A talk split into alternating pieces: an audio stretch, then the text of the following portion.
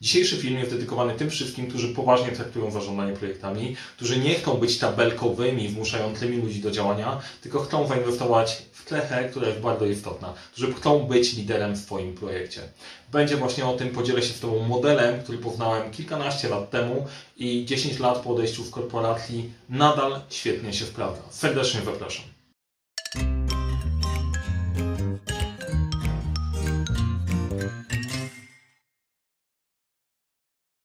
Cześć, nazywam się Mariusz Kapusta. Uczę jak rozpoczynać i kończyć twój FM projekty w świecie, w którym brakuje czasu, brakuje wyfobów, za to nigdy nie brakuje problemów i pomagam te problemy rozwiązywać. Jeżeli interesuje Cię temat zarządzania projektami, przywództwa, to zasubskrybuj ten kanał. A teraz kilka powodów, dlaczego tym tematem się dzisiaj zajmuję. Powody są dwa. Pierwszy jest taki, że naprawdę od liderów wiele zależy. Jeżeli jest w organizacji ktoś, komu zależy, żeby dowieść projekt i pokazuje, pokazuje cechy lidera, to jest w stanie ten pro, projekt dostarczyć. A drugi, bardzo ważny powód, to jesteśmy partnerem 14 kongresu PMI. To jest największa impreza dotycząca zarządzania projektami w Polsce. 18-20 listopada w Warszawie. Jeżeli interesuje Cię zarządzanie projektami i poważnie do tego podchodzisz, to warto się na ten kongres wybrać, posłuchać praktyków, poznać innych braci w zarządzaniu projektami i siostry i wymienić doświadczenia po to, żeby jak najwięcej e, wyciągnąć z takich praktycznych case'ów, bo w książek już prawie wszyscy wszystko wyczytali, natomiast jeżeli spotykasz ludzi, którzy żyją tym tematem, interesuje ich ten temat, pasjonują się, jest po prostu całkiem inaczej. I jednym z tematów, jeden ścież, ze ścieżek na kongresie będzie właśnie poświęcona przywództwu, e, czyli o autentyczności, jak być autentycznym liderem i skutecznym liderem. Dlatego postanowiłem nakrę nakręcić filmik, w którym podzielę się z Tobą moimi doświadczeniami, po to, żeby Cię zachęcić do myślenia z tej perspektywy, bo zarządzanie projektami to jest trochę głębszy temat niż tylko i wyłącznie zarządzanie. To jest zarządzanie, dowożenie i dowodzenie właśnie, czyli przywództwo. I dlaczego bez przywództwa nie rusz, jeżeli chodzi o zarządzanie projektami? Trzy rzeczy, które widzisz teraz na ekranie. Po pierwsze, jako kierownik projektu masz najczęściej wysoką odpowiedzialność za dowiezienie rezultatu. Problem polega na tym, że jednocześnie w organizacji, w hierarchii jesteś dosyć nisko, masz niską władzę formalną. No i kolejna rzecz, wymusza to na tobie pracę w organizacji w zakresie 360 stopni. To brzmi fachowo 360 stopni. Mniej fachowo to oznacza, że musisz przekonać osoby, które są wyżej w organizacji albo poza funkcją, w której pracujesz, żeby pracowali z Twoim projektem. Czyli musisz pójść do szefa działu marketingu, który jest w organizacji 15 lat dłużej, jest trzy szczeble wyżej i wymóc coś od niego, nie? Prosta sprawa. E, generalnie to stawia przed kierownikiem projektu spore wymagania. E, dla niektórych jest ty, ale jak ja mam to ogarnąć? No i tutaj właśnie wchodzi na scenę przywództwo. Muszę przyznać, że ten wątek, który będzie na kongresie, typu jak być skutecznym i autentycznym liderem, jest ważny. E, jest ważny z tej perspektywy, bo ile osób, tyle opinii na temat przywództwa, kim powinien być lider, to znaczy skuteczny lider, to znaczy autentyczność jak bardzo faktycznie autentycznie możemy, możemy być pracy, więc jestem bardzo ciekaw wystąpień tego, o czym ludzie będą mówić. Ja podzielę się z Tobą częścią moich doświadczeń, ale zanim do tego dojdziemy, to małe pytanie do Ciebie, możesz napisać w komentarzu, jaka jest Twoja prosta recepta na to, żeby być skutecznym liderem. Żeby być skutecznym i autentycznym liderem trzeba mieć no i uzupełnij w komentarzu. E, według mnie trzeba mieć stalowe, ale to stalowe trzeba mieć, to już możecie napisać, e, napisać sami. E, jestem ciekaw, co wyobraźnia Wam podpowie i co dla Was ma, co według Was ma lider. Teraz przejdziemy do modelu 5E, czyli tego modelu, według którego mnie uczono przywództwa i uważam, że jest bardzo, bardzo fajny i spójny, ponieważ przetrwał próbę czasu. Nie pracuję w korporacji już 11 lat E, a wróciłem do tego modelu i cały czas z niego korzystałem pod kątem prowadzenia mojego zespołu i rozwoju siebie jako lidera i o tym Wam to opowiem. Jest pięć punktów, na których można się wahaczyć, przyjrzeć i co trzeba rozwijać, żeby faktycznie móc tym liderem być. I to jest taki mały disclaimer w boku, nie? bo to trochę słabo mówić o sobie, że o, ja jestem liderem to ludzie ocenią i wyniki ocenią, czy to się dzieje. Natomiast kwestia jest taka, że masz pewien wpływ na to, nad czym będziesz pracować.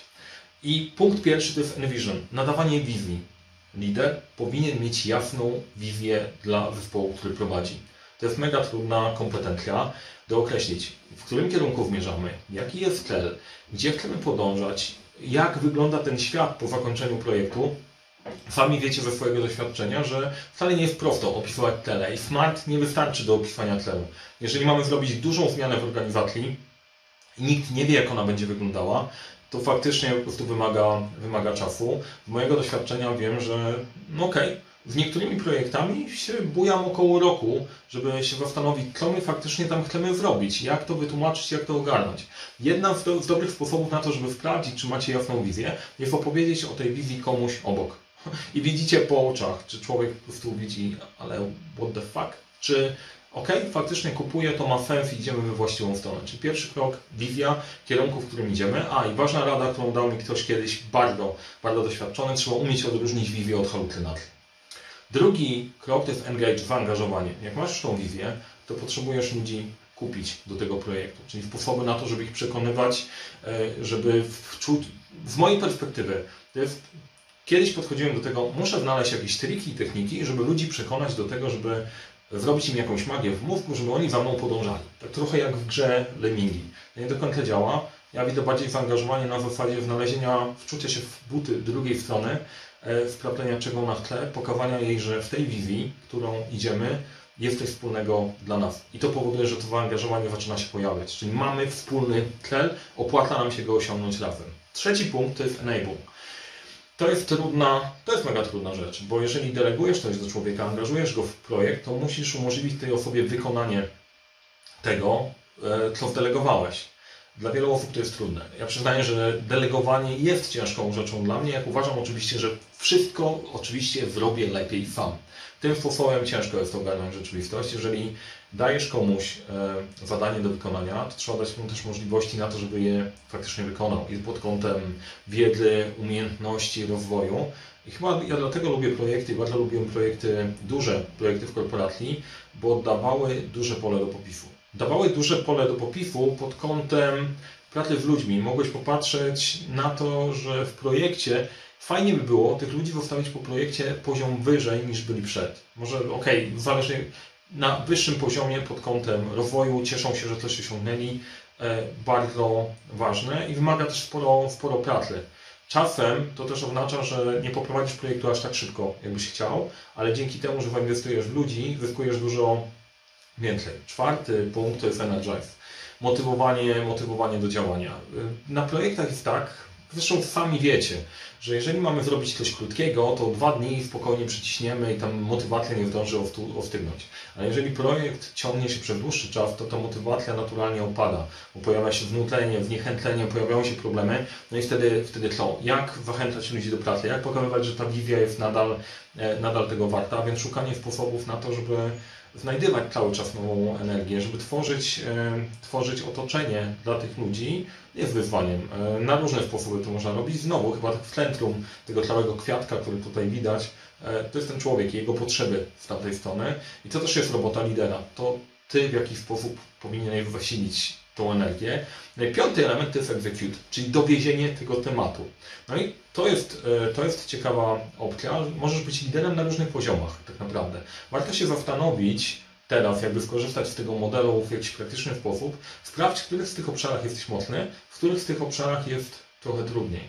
E, bardzo często widziałem, ja akurat tak, e, tak miałem, że ludzie, którzy zaczynają, którzy młodymi liderami, bardzo duży nacisk kładą na execute. Dowożą bardzo dużo wyników na swoich barkach, są lokomotywą. Lokomotywą ciągną za sobą wszystkich i to potrafi działać. To naprawdę jest e, niezłe. Dużo projektów tak dokończyłem, ale im wyżej w organizacji, im bardziej złożone projekty, tym bardziej musisz polegać na innych. Potrzebujecie zrobić razem ekipę, nie możesz wszystkiego robić, robić sam. I to jest ciekawa, ciekawa ścieżka. Sprawdź, który z tych pięciu obszarów jest najsilniejszy, którego z tych pięciu obszarów Ci brakuje. Jeżeli widzisz sytuację w swoim projekcie, że ludzie się jakoś nie chcą w ten projekt wejść i go kupić, to sprawdź, czy któregoś z tych elementów, elementów nie brakuje. E, moja lekcja, mój sposób wykorzystania tego, mam taki rytuał 5 minut myślenia w ciągu dnia. Ok, myślę pewnie częściej i trochę dłużej, ale jednym z tematów w tych 5-minutowych flotach jest myślenie o przywództwie. I te, to przywództwo przerabiam sobie przez te pięć obszarów, co to dla mnie oznacza. Co to dla mnie oznacza mieć jasną wizję, co znaczy angażowanie, co znaczy umożliwianie ludziom, rozwijanie ich, jak mogę ich motywować, w jaki sposób mogę to wszystko dowieść, żebym ja nie był centrum e, dowożenia To jest bardzo ćwiczenie, bardzo ciekawe ćwiczenie, polecam. To jest mój model, ale teraz bardzo ważne pytanie, nie? czego możesz się dowiedzieć od innych ludzi?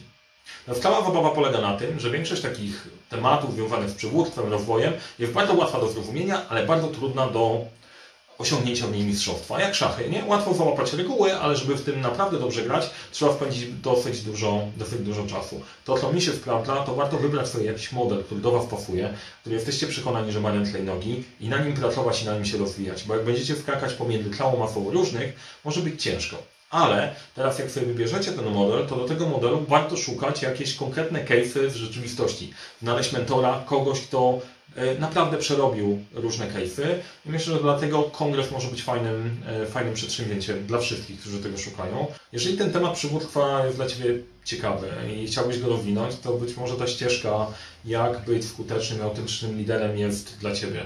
Warto zawsze posłuchać ludzi, którzy mają doświadczenie, E, Na kongresie pojawią się ci odważniejsi, którzy goto byli gotowi przeżyć coś i tym się podzielić, więc warto posłuchać. Sprawdź swój kalendarz, a jeżeli operujesz na LinkedInie, to wyślij zaproszenie, zostańmy w kontakcie. Tam będzie jeszcze więcej materiałów na temat i kongresu, innych konferencji, zarządzania projektami, więc warto być też na tym portalu. Jeżeli dowiedziałeś się czegoś ciekawego w czasie tego filmu, daj łapkę w górę. Powodzenia w rozwijaniu kompetencji przywódczych i sprawdź link pod filmikiem. Serdecznie zapraszam.